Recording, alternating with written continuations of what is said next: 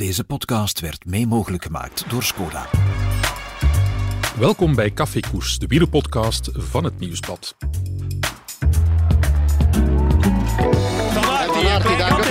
Het is los. Here he goes. Pogacar now. Big attack. Van Aert, die het moeilijk heeft hoor in dat wiel van Van der Poel. Explosion door Remco Van der Poel. Here goes the attack. Lotte Kopecky. Mathieu Van der Poel is a monument man again.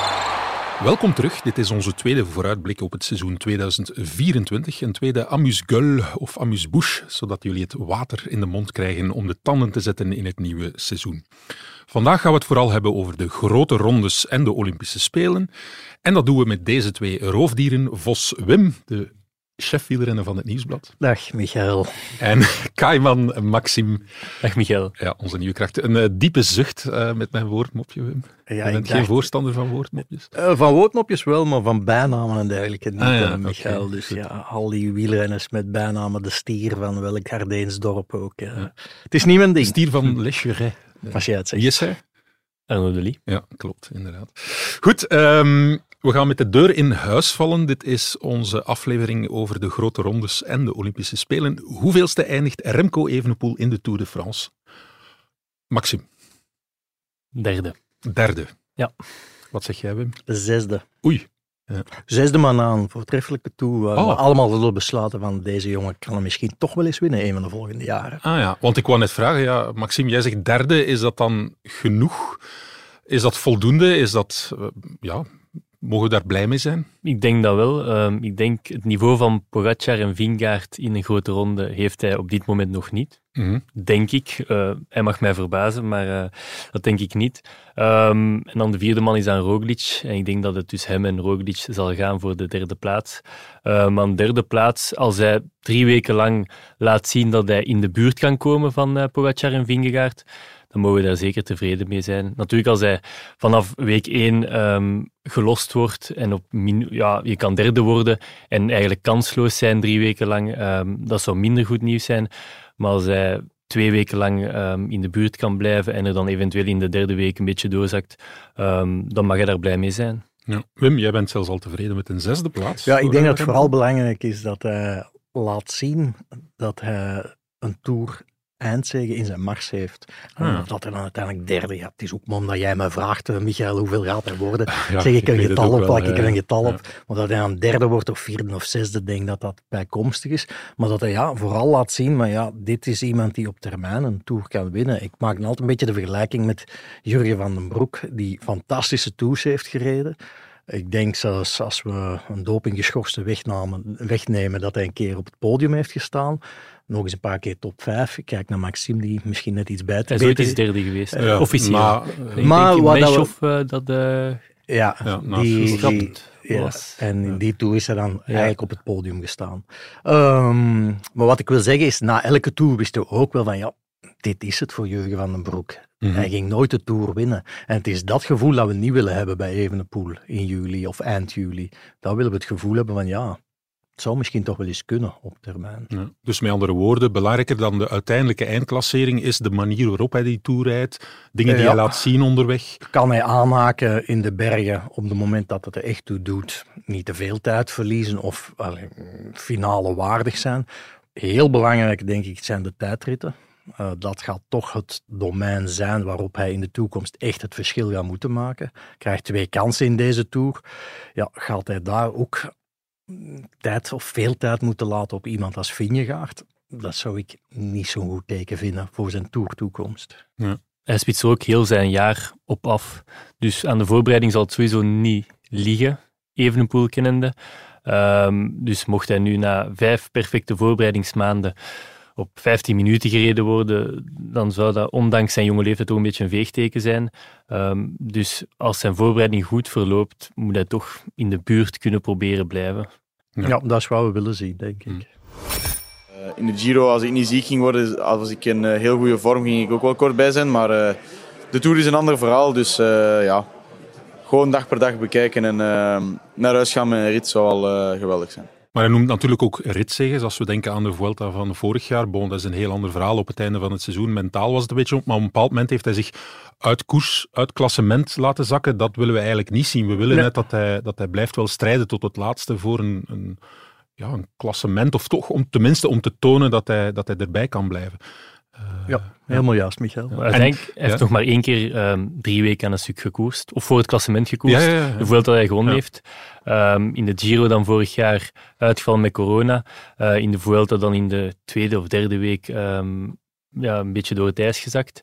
Um, het is toch dat wat we niet willen zien deze keer. Nee, we willen een tour waarin hij tot op het einde ja, finales rijdt, meedoet met de allerbeste. Dan Mm. kan je nog verliezen, dan kan je zelfs nog eens ergens een half minuut of een minuut verliezen en derde, vierde, vijfde of zesde worden. Ja. Dat, noem, dat vind ik dan persoonlijk minder belangrijk. Maar je wil niet dat, hij, dat hem overkomt wat hem in de Vuelta is overkomen. Want ja, dan gaat toch de conclusie zich opdringen van... Het is één keer gelukt in de Vuelta, maar mm, gaat het hem nog eens opnieuw lukken? En dan niet in een Vuelta, maar in een Tour. En vorig jaar had hij het excuus van de voorbereiding was niet ideaal. Um, ik heb gefocust op het WK tijdrijden um, en iets te snel herbegonnen na de corona um, in de Giro. maar dat excuus gaat hij sowieso niet kunnen inroepen, tenzij hij natuurlijk ziek wordt. Ja. Dus het wordt belangrijk om te zien waar het schip strandt.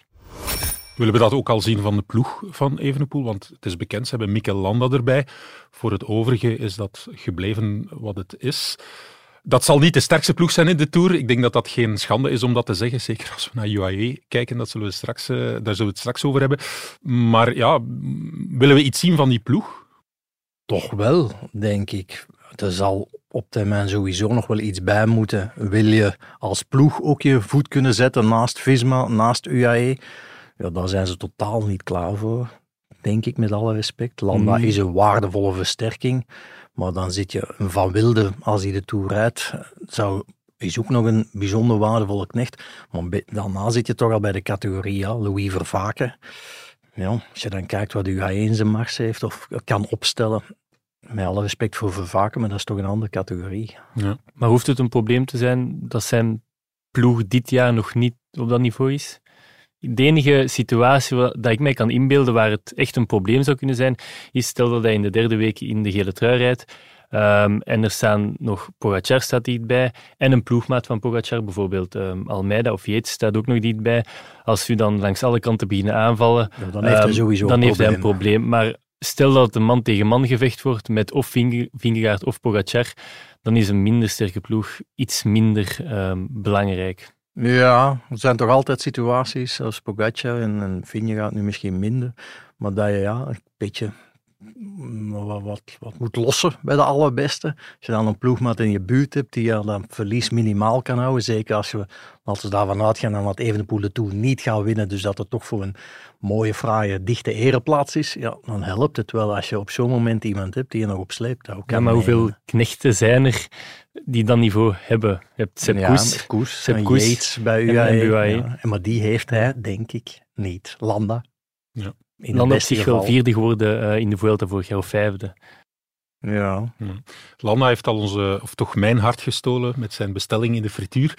Met een eh, saté met kruiden, vind ik altijd heel lekker. Blijkbaar ook zijn favoriet. Maar hij heeft wel een uitspraak gedaan waar jij iets minder fan van was, Wim. Goh, iets minder fan, Michael. Eh, nee, Nee, ik las die- ergens zo ja. van, eh, ja, de Tour is allemaal in dienst van Remco Evenepoel en Mhm. eh, nou, geen enkel probleem. Eh, maar voor mijn eigen kansen, of ik- jij weet het misschien beter, Michael, het kwam erop neer, in de Vuelta ging hij zijn eigen kans gaan en droomde hij van eindwinst. Voilà, ja. Zoiets was het. Dus hij wil in de Tour Dat- zich wegcijferen voor Evenepoel, maar droomt tegelijk wel van En Vuelta natuurlijk winst. mag hij dat zeggen, maar ik heb dan toch zo meteen iets van, ja, maar jij moet nu niet denken aan de Vuelta. Het enige waar jij moet mee bezig zijn, is met Evenepoel in de Tour. En hoe krijg ik die zo ver mogelijk, hoe kan ik die zo goed mogelijk bijstaan?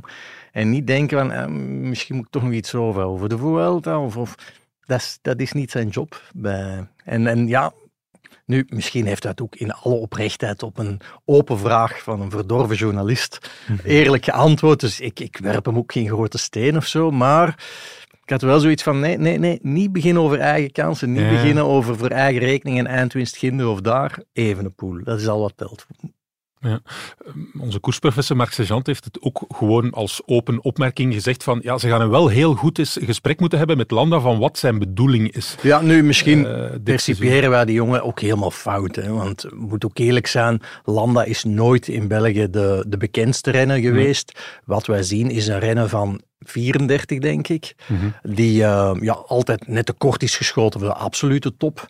Ja, en wij maken daar dan een beeld van, van ja, gaat die jongen zich wel willen opofferen? Misschien is dat de bereidwilligheid zelf. En, en, en... Hij heeft wel een aantal keren Tour gewonnen hè, bij uh, Team Sky. Team Sky, ja.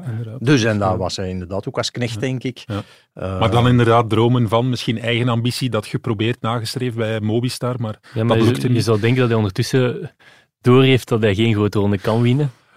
Ja, hij is vooral toch met een duidelijke bedoeling naar die ploeg gekomen, naar Soudal Quickstep. En dat is één bedoeling, Evenepoel ondersteunen, zou ik denken. Ja, dus toch in de Tour, zegt hij. Ja, dus. ja, ik vind dit een minder risicovolle transfer dan uh, een jonge kerel zoals Sivakov, die dan misschien um, 2, 3 procent beter wordt en opeens um, de wereld voor zich ziet opengaan als hij een keer de gele trui draagt. Uh, bij Landa zie ik dat nu niet direct gebeuren, maar het kan fout zijn. Ze zijn blijkbaar al grote vrienden, Remco en Landa. Uh, Landa die rookt blijkbaar ook graag eens een sigaar en drinkt een gin tonic graag, maar dat doet hij niet samen met... Uh, en dat met een, nee, dat doen... met een friet met saté Ja, dat zijn allemaal de, allemaal de verhalen die naar boven komen. Dus uh, ja, ik denk dat het een beetje ligt aan het feit dat wij dat graag noteren, dat soort verhalen. Maar ik geloof dat hij ook af en toe wel betere dingen eet en vooral zich eten ontzegt. Anders zou hij zo geen prestaties halen. Allee, ik zit hier wel zo aan de start van een grote ronde, zo de Vuelta. En dan ook op dat startpodium met al dat volk. Dat is gewoon iets, ja... Ik heb dat nog nooit meegemaakt, hè. Iemand die zich zeker en vast uh, satéetjes in de frituur ontzegt, is Kian uit de Broeks.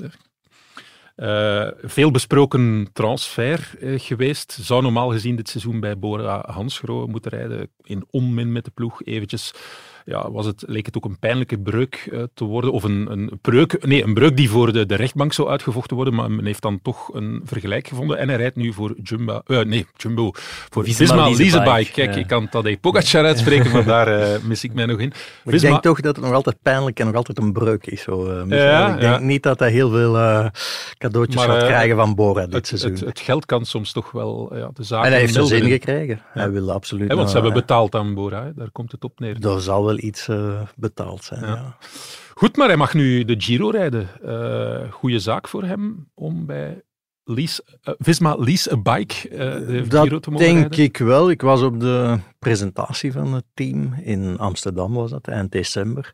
En... Um, ja, dat werd, als het over de Giro ging, maar over één ding gesproken, dat waren ritzegens. Ritzegens ja. voor Van Aert, ritzegens voor Olaf Kooi. Eventueel, als het zou kunnen, eventueel iets voor Uitenbroeks. Maar je merkte dat men er heel nadrukkelijk uh, ja, alle druk van hem weghield. Dat er niet van hem verwacht wordt dat hij een, een, uh, een klassement rijdt. Of, mm -hmm. Hij zal wel een klassement rijden, maar dat hij dan niet per se in de top 5 wordt verwacht. Um, dus ik denk wel dat dat voor hem ja, een mooie manier is om aan die Giro te beginnen. Ja. Uh, een beetje ja, de druk weggehouden. Hè. Met een Wout van Aert natuurlijk, die ritzegers pakt, met Kooi.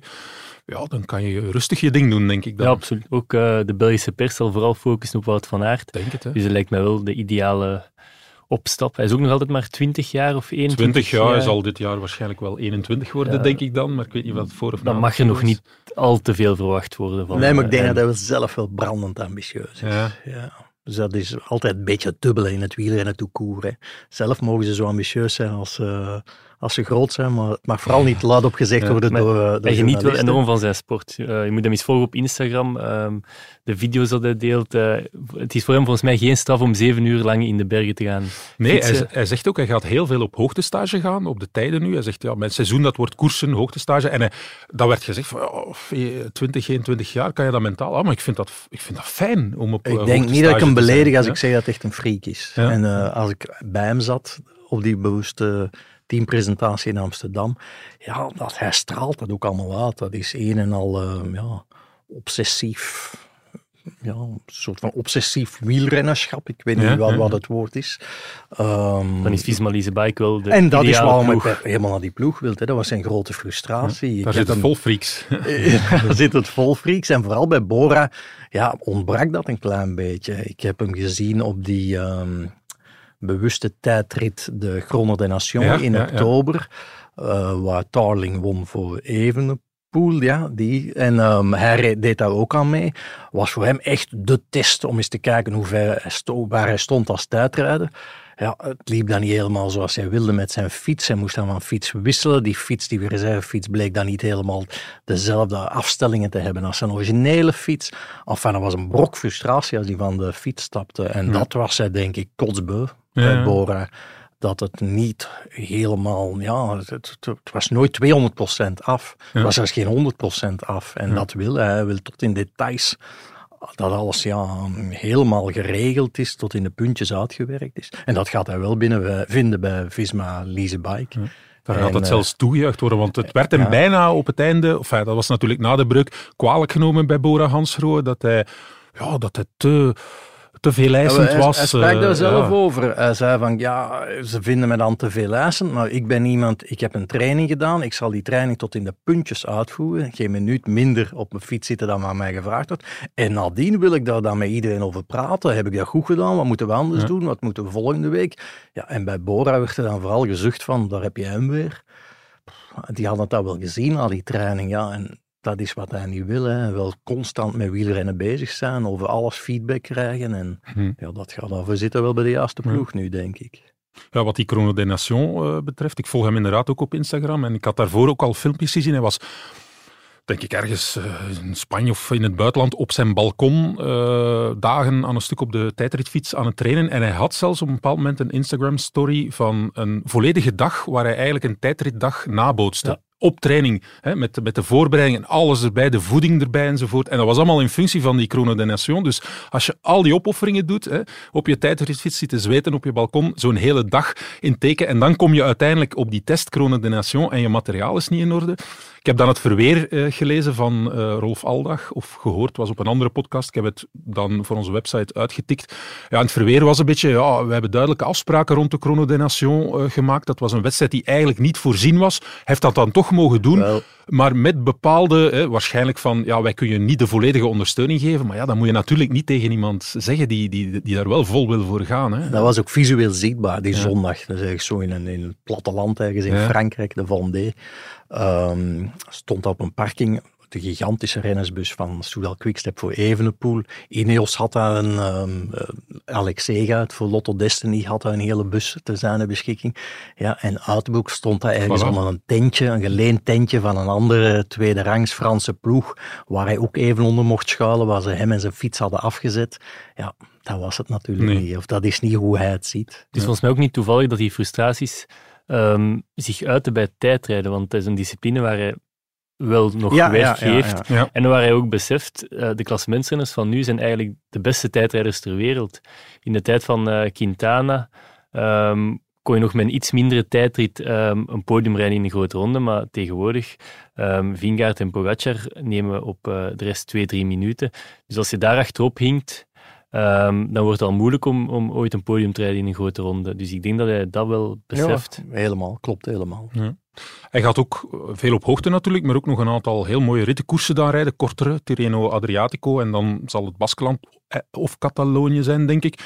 Maar ja, dat zijn ook wel los van de Giro mooie tests. Hè? Of... Ja, ik denk zelfs zo Catalonië of Baskeland. Misschien uit deze alle twee, misschien maar één van de twee.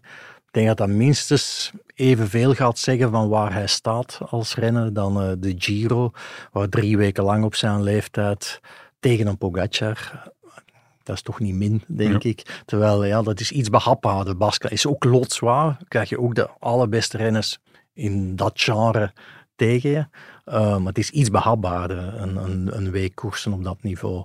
Dus als hij daar al eens een podium kan rijden, ja, dan dat is weer al een stap die hij kan zetten. Ja. De naam is gevallen, hè? Tadej Pogacar. Here he goes, here he goes. Sean Kelly called it. Pogacar present, Pogacar flying, turn the tables. Hij gaat de dubbel Giro Tour rijden. Het is geleden van Marco Pantani, 1998, het geboortejaar van Pogacar. Dat nog een renner gelukt is om beide te winnen, weliswaar. Uh, Pogacar was zelfs nog niet geboren, want hij is in september geboren. Dus op het moment dat Pantani uh, dat deed. Ja, is dat wel verstandig dan, als je zoiets doet wat niet vaak gelukt is? Um, verstandig, ja. Pogacar um, zwemt graag tegen de stroom in of doet graag zijn eigen zin. Um, het is een beetje... Ik denk dat heel veel mensen het idee hadden, vorig jaar na de van Frankrijk, uh, van ja, hij heeft in het voorjaar een beetje te veel energie uh, verspild. Volgend jaar gaat hij alles op de Tour zetten. Ja. Uh, ik denk dat jij dat ook in een column hebt geschreven, Wim. Um, dat, hij dan, dat hij dan eigenlijk het omgekeerde doet van wat dat iedereen denkt. Um, wat ook misschien kan meespelen, um, ja, hij komt in de Tour tegen Vingegaard uit, waar hij al twee keer ja, het onderspit heeft moeten delven. Dus dan heb je eigenlijk de Giro al gewonnen en kan je met die bagage naar de Tour trekken. En dat is toch een, een aangename gedachte dan dat ja, alles op de Tour wordt gezet, denk ik dan. Ja, ik denk dat er iets minder berekening bij hem aan te pas komt. Ik, ik, noem mij nou een wielerromanticus, Michael, ik weet het niet. Maar ik denk, Pogacar mag je zeker een wielerromanticus noemen. Dat is iemand die gewoon alles is wil doen, alles is wil proberen. En die werkt enerzijds aan een palmares, maar, in de voorbereiding heb jij het... Hij werkt ook aan een oeuvre ja, genoemd. En, en, dat jij noemde het, een... Ja, een beetje de, het, het, het, verhaal rond hem, de persoonlijkheid die hij is. Hij, doet dingen die anderen niet doen. Niemand dacht dat het mogelijk nog was dat iemand die de Tour de France gewonnen had één of twee jaar later ook de Ronde van Vlaanderen zou winnen. Daar heeft hij ook komaf mee gemaakt. Hij doet die dingen en ik denk, ja, dit zit ook in die categorie. Hij wil gewoon, dat is... Vroeger heeft het gekund, Merckx heeft dat gedaan, Pantani heeft dat gedaan. Ik ga dat ook eens proberen, Giro en Tour. En ja, is dat allemaal, hm, volgens de nieuwste trainingsleer, het slimste wat je kan doen? Wellicht niet, denk ik zelfs. Maar ja, het is wel aan te moedigen of toe te jagen dat, dat iemand dat Voor de Giro is het fantastisch, hè, want met het, wat er voorlopig op staat op de Giro, mogen we heel blij zijn dat Pogacar daar start, want anders zou het voor het klassement een mager beestje zijn. En ik had ook de indruk dat de organisator van de Giro, RCS, wel, dat ook faciliteerde. Blijkbaar hebben ze nog iets veranderd aan de ritten in het begin. Uh, aanvankelijk was dat gesneden koek voor Wout van Aert om daar het roze te pakken, maar uh, ja, bij... Uh, Visma Leasebike, ik ga het echt nog wel leren, uh, zeiden ze dan van ja, blijkbaar gaat het dan toch niet meer zo zijn, want het is wat zwaarder geworden. En ja, dan enkele dagen later uh, werd bekend dat Pogacar zou starten. Dus daar zijn wel wat onderhandelingen aan te pas gekomen. Wel, dat denk ik wel. Dat, ja. dat zal allemaal tegengewicht zijn tegen al die romantische praat van mij. Er speelt ook wel wat pragmatisme mee. UAE heeft heel grote belangen in uh, Italië, al is maar via hun fietsconstructeur ja. en dergelijke. En dat daar ook wel wat druk wordt uitgeoefend um, vanuit RCS, organisator van de Giro, om ja, Pogacar is naar de Giro te sturen. Dus ja. zal ook wel wat geld aan te pas gekomen zijn. Daar moeten we ook niet naïef in zijn om hem uh, te laten starten in de Giro. Dus ja, het is een, een mix, denk ik, van ja, wat ouderwetse romantiek, en dan ook wel wat commerciële pragmatiek. Ja, en om nog even terug te komen op die uh, dubbel Giro Tour. Het is zoals je zegt, Michael, het deelnemersveld is niet uh, bijzonder goed. Wat maakt dat... Van de Giro, hè? Van de Giro, van de Tour uh, wel. Um, wat maakt dat Pogacar ook, uh, ik zeg maar iets aan 90% die Giro eigenlijk ook kan winnen. Um, hij zal waarschijnlijk, um, het is altijd gevaarlijk om uh, voorbeschouwing of voorspelling te doen, heb ik geleerd van Wim. Maar hij zal waarschijnlijk in de laatste week met vijf minuten voor uh, um, in de roze trui staan. En dan moet hij die laatste weken niet elke dag tot het gaatje gaan. Um, wat hij wel zou moeten doen, mocht een Evenepoel hmm. of een, of een Vingaard er ook aan de start staan. Uh, dus in die optiek zie ik de dubbel iets rooskleuriger in dan, um, dan mocht hij ook in de Giro al echt um, het moeten opnemen tegen, uh, tegen een andere topper. Dat zal zeker waar zijn. Anderzijds, ja.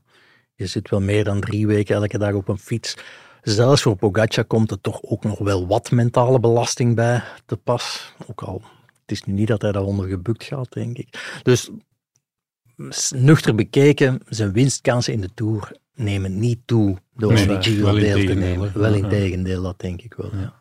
Ja, er wordt inderdaad gezegd van, en hij zegt dat zelf ook, van het wordt cruciaal om goed uit de Giro te komen. En dan zijn we bij het verhaal dat jij vertelt, Maxim, van inderdaad, als hij in die derde week zich niet dubbel moet plooien of toch niet meer helemaal tussen zijn kader, dan zou dat eventueel wel kunnen. Een uh, weekje rust, beetje supercompensatie en dan zou hij, ja, hij koerst dan niet, hè. hij rijdt uiteraard uh, geen Dauphiné en dergelijke meer, dus dan uh, toch een, een stage, hoogtestage nog voor de Tour in principe kan het. Uh, maar goed, ja, hij zal, ja, het zal cruciaal zijn, zoals jij zegt, Maxime, dat hij in de, in de Giro een tussen aanhalingstekens dan iets rustiger derde week uh, kan hebben. Ja, en hij heeft, ook, heeft, ook al bewezen goed uit een grote ronde te komen. Ik herinner mij de Olympische Spelen in uh, 21. Dat was net na de Tour. Werd hij daar tweede.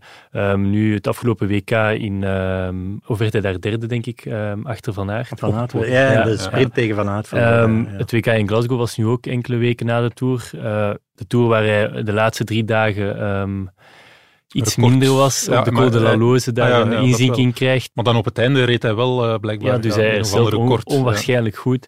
Um, dus dat speelt ook wel mee. Dat hij na drie weken koers niet uitgevonden is. Hij zegt ook, ja, ik voel mij er klaar voor. Ik begin mijn lichaam te kennen. Hij is 25 jaar trouwens, komt niet meer in aanmerking voor de witte trui in Eerste de Tour de France. Maar ze hebben de truitjes van UAE helemaal wit gemaakt om, ja, ja, om hem toch thuis te laten voelen in de uitrusting. Maar dat is misschien iets voor uh, Remco Evenepoel, die witte trui dan. Dat zou kunnen. Ayuso doet ook de Tour, doet, Bij UAE doet uh, iedereen de Tour. Ja, bij UAE laten we die voorlopige toerploeg even overlopen. Almeida, Ayuso, Adam Yates, Sivakov, uh, Soler, Polit, Wellens en Pogacar. Daar uh, kan je mee buiten komen. Ja, daar kan je mee buiten komen. Het is wel interessant, want de voorbije um, twee edities was het altijd Jumbo-Visma met de sterkste ploeg. En Pogacar vorig jaar was ook al een veel betere ploeg dan het ja. jaar ervoor. Um, maar het UAE toch niet het overwicht, of niet zoals dat ze dit jaar gaan hebben, denk ik, als je die ploeg opnoemt. Um, zijn gewoon vijf renners dat podium kunnen rijden. Ja. Um, dus het woord guerrilla um, zal wel in de ploegbespreking vallen, denk ik. Ja, het is in elk geval ja, heel indrukwekkend. Waarheid is ook wel dat de laatste jaar uiteindelijk het altijd beslist wordt in man tegen man gevecht bijna. Dus die sterkte van die ploeg speelt uiteraard een grote rol, maar toch iets minder bepalend dan wat wij in de voorbeschouwing dan vaak ja, van Maar Visma Bike heeft dan juist een iets minder sterke ploeg dan anders. Uh, van Aert hier niet bij is. Um, qua klimmers, ik denk, ze hebben daar ja, Benoot, Jorgensen, Koes en Kruiswijk, denk ik dat er ook op staat. Daar ben ik niet zeker van. Um, maar op papier toch iets minder sterk ja. dan, dan Pogacar zijn ploeg. Maar ja, ze hebben misschien wel de sterkste man en soms kan daar dat draait het om. Ja, inderdaad. Je gezin is net als een wielerploeg. We moedigen elkaar aan. En we weten dat we met de tips van onze ploegleider we alle kansen hebben om echte kampioenen te worden. Skoda, supporter van de grootste fietsfamilie. Goed, en dan hebben we natuurlijk Primoz Roglic, die is er niet meer bij, bij Visma Lease Bike. Uh, die rijdt nu bij Bora Hansgrohe. Uh, wordt zelfs gefluisterd, want het is een verhaal dat Red Bull uh, Bora Hansgrohe zou overnemen. Ja, ja dat, dat is geen verhaal, al, dat is een, een feit. Een feit ja. is het al rond. Die ja, ja, ze hebben een meerderheid, ze zijn met, meerderheidsaandeelhouder. Met overnames moeten we altijd met twee woorden spreken. ja, maar in dit geval denk ik, als je meerderheidsaandeelhouder bent, mijn economische kennis reikt zover dat je dan eigenlijk ook wel de baas bent. Ja, ja inderdaad, dat klopt. Maar het is getekend. Ja, goed, er wordt zelfs al gezegd dat zij een beetje zouden bijgepast hebben. In elk geval, ze hebben een straffe gedaan met Primoz Roglic. Wat denk ik, kan hij de Tour winnen? Want dat is zijn enige doel, hè, dat hele seizoen. Oh, Maxime heeft toch een interessante theorie. Ja, mijn theorie is, um, het is geen ingewikkelde theorie, mijn theorie is dat um, mochten ze bij Visma Lease Bike, ze hebben uiteraard kennis van zijn cijfers en uh, vermogens en um, alles wat ermee te maken heeft, mochten ze ervan overtuigd zijn dat hij over drie weken Vingegaard zou kunnen kloppen, dan denk ik dat ze iets moeilijker zouden gedaan hebben over een overgang naar een concurrent. Ja, we weten, natuurlijk, dat dat we weten natuurlijk niet um, hoe hard er onderhandeld is, maar feit is wel dat Roglic een contract had um, bij Visma Leasebike. Dus mochten ze um, gewild hebben, dan reed hij dit jaar nog steeds ja. voor, voor hen. Dus... Hij heeft zich uitgekocht. Hè. Enfin, dat wordt dan gezegd. De renner heeft zich uitgekocht, maar dat is dan waarschijnlijk de, ja, Bora Hansgrohe die die dat resterende contract, maar hij lag toch nog wel wat jaren onder contract. Dus inderdaad, uh, heel moeilijk heeft men niet gedaan. Dat is vrij soepel gegaan. Uh, ja, ja, ik denk dat, uh, wat ik begreep, spelen het al zelfs voor de Vuelta.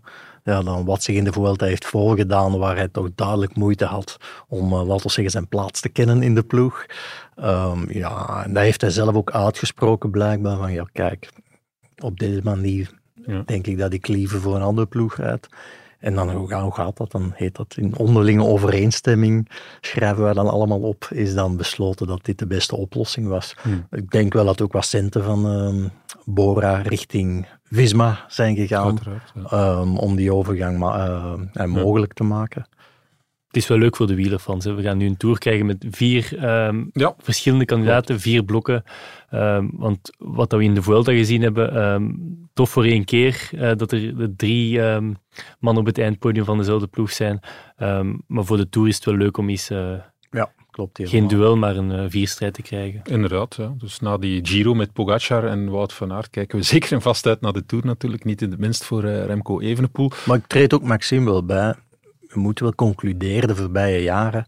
Momenten van de waarheid tegen Vingegaard en tegen Pogacar ja, was Roglic systematisch de mindere. Ja. Ja, gaat hij dat dan nu? Wordt ondertussen ook goh, ik heb 34. 34.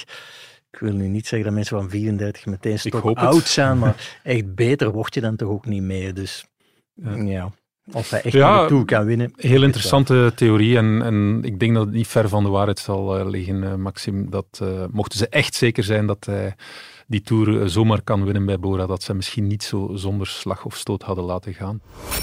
And look at the face of Cavendish and the realization that it's over. Mark Cavendish has abandoned the Tour de France on the road to Limoges. Ja, nog een man die, de, die eh, zo mogelijk ja, die nog ouder is en alles op alles gaat zetten, is Mark Cavendish bij Astana. Die hele ploeg is eigenlijk omgebouwd naar een ploeg die dat ene doel moet verwezenlijken, die 35ste toeritzege waarmee hij ja, Eddie Merckx zou voorbij steken. eh Morkov is erbij gekomen, Ballerini, Selig, allemaal eh, ja, mensen om in die trein te gaan zitten van eh, Cavendish.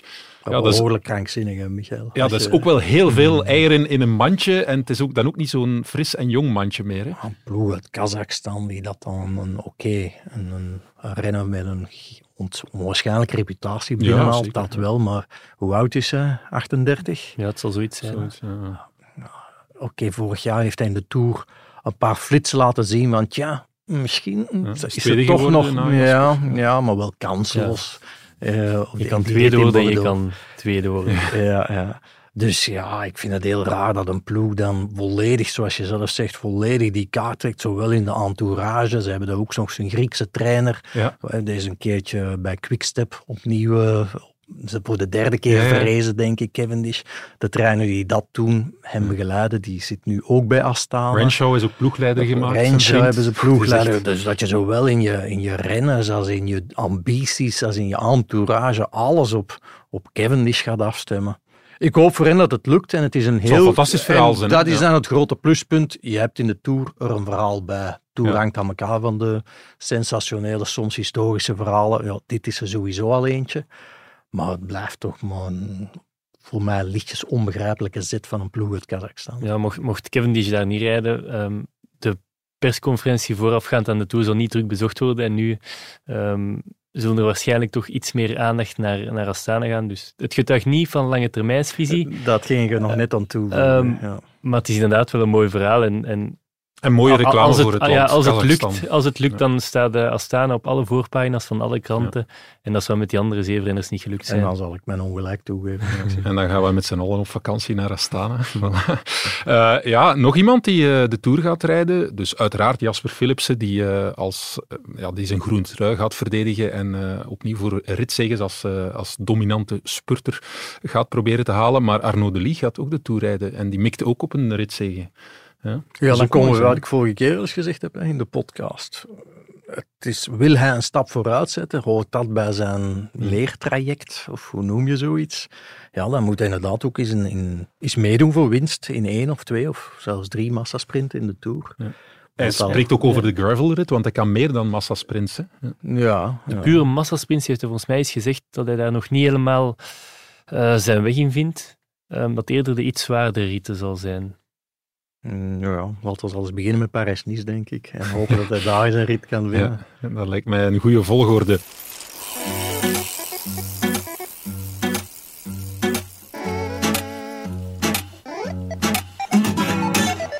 Belgium. Silver medalist, Belgium! Guy medalist, België! Wout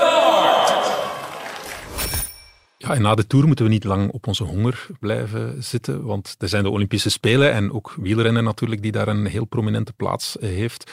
We hebben eerst de, de Tour die eindigt op 21 juli en dan hebben we zes dagen later de Olympische tijdrit op 27 juli en dan uh, nog eens een week later de Olympische wegrit aansluitend. Dus daar zullen renners die de Tour gereden hebben samenkomen met renners die zich heel specifiek op voorbereid hebben, zoals Wout van Aert, die rijdt geen Tour en gaat zich echt daarop toeleggen. Uh, iemand als ja, Remco Evenepoel zal dat na de Tour moeten doen. Ja, dat wordt altijd heel interessant, hè, want dan, dan vraag je af, ja, wat is de beste keuze? En de winnaar heeft uiteraard altijd uh, gelijk. Um, Heel bijzonder, Wim, jij gaat naar die Spelen voor ons. Heel bijzonder, dan moet je eens uitleggen slechts vier renners per ploeg. Dat is wel heel weinig. Nu, de wegrit, hè? Ja, ja inderdaad. Uh, de beste landen, waaronder België, die mogen een maximum aantal spelers, uh, spelers renners, renners uh, spelen, en dat ja. zijn ploegen van vier renners. Dat is weinig, hè? Dat is weinig. Je hebt ook maar een peloton van, ik denk een 80 à 90 tal renners in totaal. En dat voor een wedstrijd van, ook dat is gigantisch, nog veel langer dan Tokio drie jaar geleden. Um, ik denk dat we nu ergens uitkomen aan 270 kilometer op en rond Parijs. Wat gaat dat geven? Gaan ja, er op het einde nog renners zijn? Uh, overschieten? Is, als je er ook met renners, of ik had eens met de bondscoach over, eigenlijk zijn dat krankzinnige wedstrijden. Ja. ja, ofwel hou je die wedstrijd... Ja, eigenlijk kan je die wedstrijd niet controleren. Met vier renners, 270 kilometer. Dus ofwel gebeurt daar urenlang helemaal niks. En heb je een soort van onderlinge afspraak van ja, we zullen het onderling uitvechten in de finale. Ja, ofwel barst dat open en kan je, gaan de wedstrijd in een beslissende plooi liggen naar 30, 40 kilometer. Hmm. Een bijzondere wedstrijd die ontsnapt aan elke logica die we gewend zijn in het wielrennen. Ja. Het wordt ook moeilijk om een uh, selectie te maken. Ja, Sven van Toorn, het gaat er maar aan staan. Is het parcours al gaan verkennen in de winter? Uh, het was toen min 11 graden, geloof ik, gevoelstemperatuur in Parijs. Op de fiets is hij het gaan verkennen. Heroïs, uh, wat onze bondscoach allemaal gedaan heeft. Maar hij kwam wel met goed nieuws terug, namelijk klassiek parcours. Dus eigenlijk alle Belgische renners die normaal gezien in aanmerking komen voor mijn selectie, die, ja, die kunnen daar zomaar winnen. Het is echt een klassiek parcours. De vraag is dan, wie neem je mee? Arnaud de Lee pleitte voor ja, sowieso. Drie kopmannen? Ja. Vanuit een evenpoel zijn zeker. Dus dat zijn al twee kopmannen? Ja, omdat je de renners die de tijdrit rijden, en dat zijn bij ons vanuit een evenpoel, die zitten ook automatisch ja, in de wegrit. Dus, dus twee van de vier plaatsen zijn, al, zijn al verkocht. En dan komt het er nog op aan, ja, wie neem je mee voor de resterende twee plaatsen. Hm.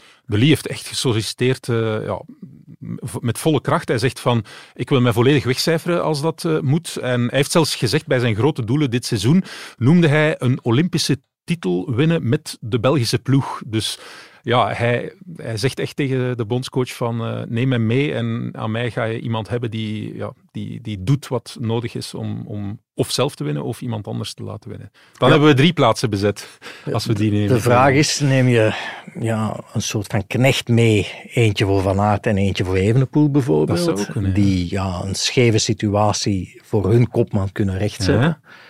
Of ja, neem je alleen renners mee die het potentieel kunnen afwerken. Dus vier kopmannen of een tussenformule van de Lee dan met drie kopmannen of twee kopmannen. Die heb je sowieso. Maar als je twee knechten meeneemt, dan ga je eigenlijk al uit van een situatie dat je achter de feit naar rijdt.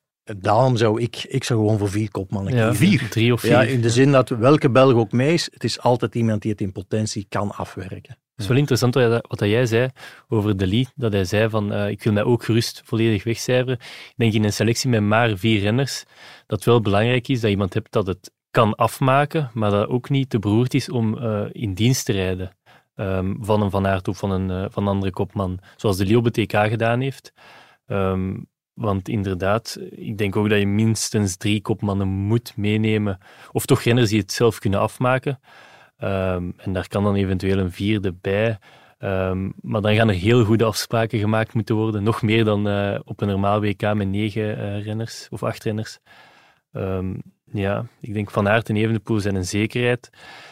En dan de Lee en Philipsen zijn dan de, de, de logische namen. Als alle twee in vorm zijn, Philips komt goed uit de toe, zou ik gewoon, en de Lee ook, neem de Lee en Philipsen mee vier jongens. En wie ook mee is, moet wel laten zien dat er iemand mee is. Een van de vier. Maar laat die man meerijden en die kan het afwerken. Komen ze terug, zit je er nog altijd met drie kopmannen die het op hun, op hun beurt mogen proberen. Wedstrijd is denk ik zo moeilijk te controleren dat als al neem je één of twee knechten mee, ja, gaan die een scheef situatie op hun eentje dan kunnen rechtzetten in dienst van een kopman. Dan ga je automatisch defensiever koersen, omdat je maar twee kopmannen hebt en dan ga je zeggen, uh, het is nog 200 kilometer, we gaan nu Van Aert toch niet, voilà. niet al uh, laten aanvallen of, of demarages um, beantwoorden. Terwijl als je met vier kopmannen hebt, dan is het bij van spreken een beurtrol en dan ga je ja. sowieso meezitten. Hm.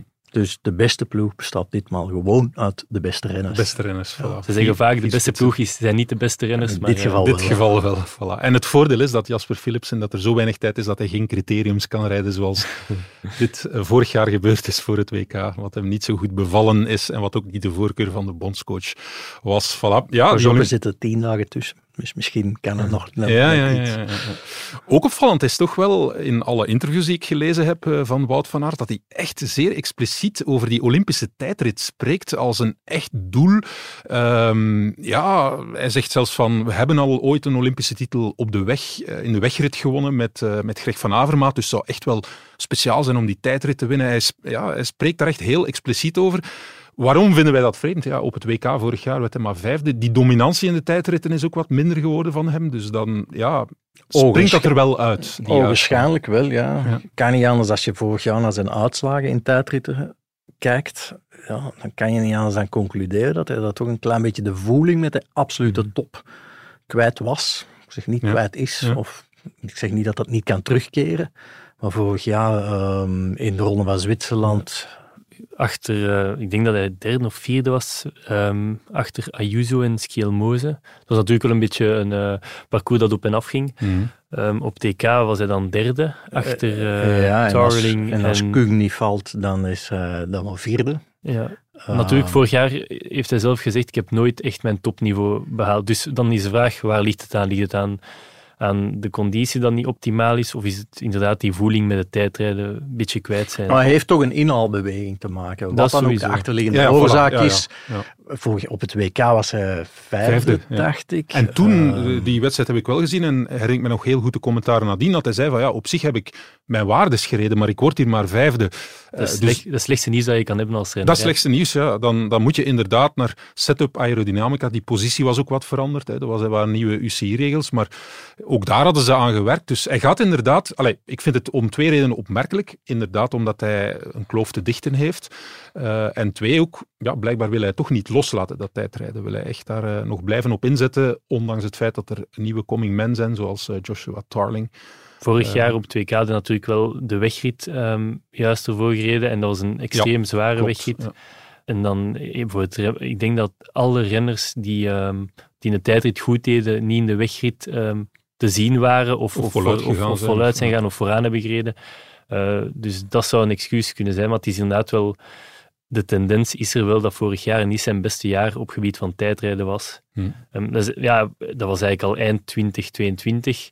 Eh, dan heeft hij het WK in Wollongong overgeslagen om alles op de weg te zetten. Ja. Ehm, dus ja, het is al redelijk lang geleden dat hij nog eens, volgens mij, op een tijdritfiets echt een, een, een topuitslag heeft gereden. Ehm, ik vermoed als Van Aert eh, ervoor gaat dat hij ehm, weet of dat hij kennis heeft dat het mogelijk is om Mhm. terug op niveau te geraken. Of ja, terug op niveau, dat klinkt nu heel negatief. Terug Eh, mee kan spelen ja. voor de medailles daar letterlijk. Hè. Dat, ja, je hebt een paar nieuwe, nieuwe eh, mannen. Joshua Tarling, daar was twee jaar geleden geen sprake van.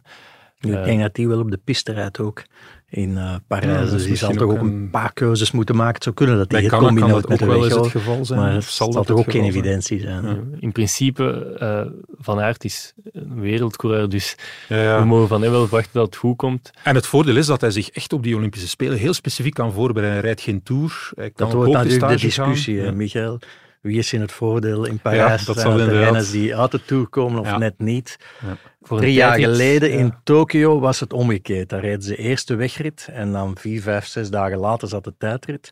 En dan zag je dat de jongens die net uit de Tour kwamen en dan de, zes dagen later aan de wegrit begonnen, ja, die hadden duidelijk een voordeel. Ja. Ehm, maar keek je naar de tijdrit, een kleine week later, dan waren die renners net in het nadeel. Dus dat zag je in het, ehm, in het klassement van de tijdrit, zag je bijna geen enkel renner meer, of toch niet bovenaan die de Tour had gereden. Dus ja, nu is het omgekeerd. In principe zou ik mm, een beetje logisch denken, zeggen van ja, kijk, voor de eerste opdracht, in dit geval de tijdrit, ben je in het voordeel als je net uit de Tour komt, wat dan niet voor Van Aert pleit. Terwijl de wegrit die dan al een week later zit, ja, dan is dat Tour-effect misschien al wat uitgespeeld en maakt het minder uit. Maar ja, the proof is in the eating of the pudding. Voilà, dat gaan we Ja. zien. In augustus gaan we het weten. Heel interessant jaar eh, 2024 wordt het. We hadden in onze vorige voorbeschouwing het voorjaar nu eigenlijk alles tot eh, en met de Olympische Spelen eh, besproken. En daar kijken we heel erg naar uit. Ja, eh, 2024, als je het zo na die twee afleveringen moet overschouwen, welk jaar verwacht je? Het wordt het jaar van, ik weet het niet, eh, Van een ontiegelijk aantal kansen, Michael. van ontiegelijk aantal ja, kansen. Als ik denk zo'n Van Aert, wij zitten nu, of in de vorige podcast, van ja, in die twee wedstrijden in april gaan cruciaal worden. Maar als je kijkt naar die rijdt hij nog de Giro, dan komen dan nog de Spelen, tijdrit en wegrit. Start hij nog eens in de Vuelta. En als, als het dan nog allemaal niet gelukt is, is er nog altijd een WK in Zurich waar hij het kan proberen. Dus we zullen mild zijn dit jaar als columnist en journalist. Ja. En eh, als het de ene keer niet lukt, toch eh, blijven inprenten dat er nog heel Dat veel er nog kansen, kansen komen ja, heel voor veel alle kansen komen in 2024. Voilà. Het wordt ook een jaar van ontiegelijk veel interessante en leuke wielerpodcasts. Maar deze was ook al heel fijn, deze tweede van het jaar. Bedankt Wim. Graag gedaan, Michael. Bedankt Maxime. Graag gedaan, Michael. Dank aan het Nieuwsblad. Dank aan Elisabeth van House of Media, die ons goed laat klinken. Maar vooral bedankt aan jou, beste luisteraar. Tot onze volgende cafékoers. Tot dan.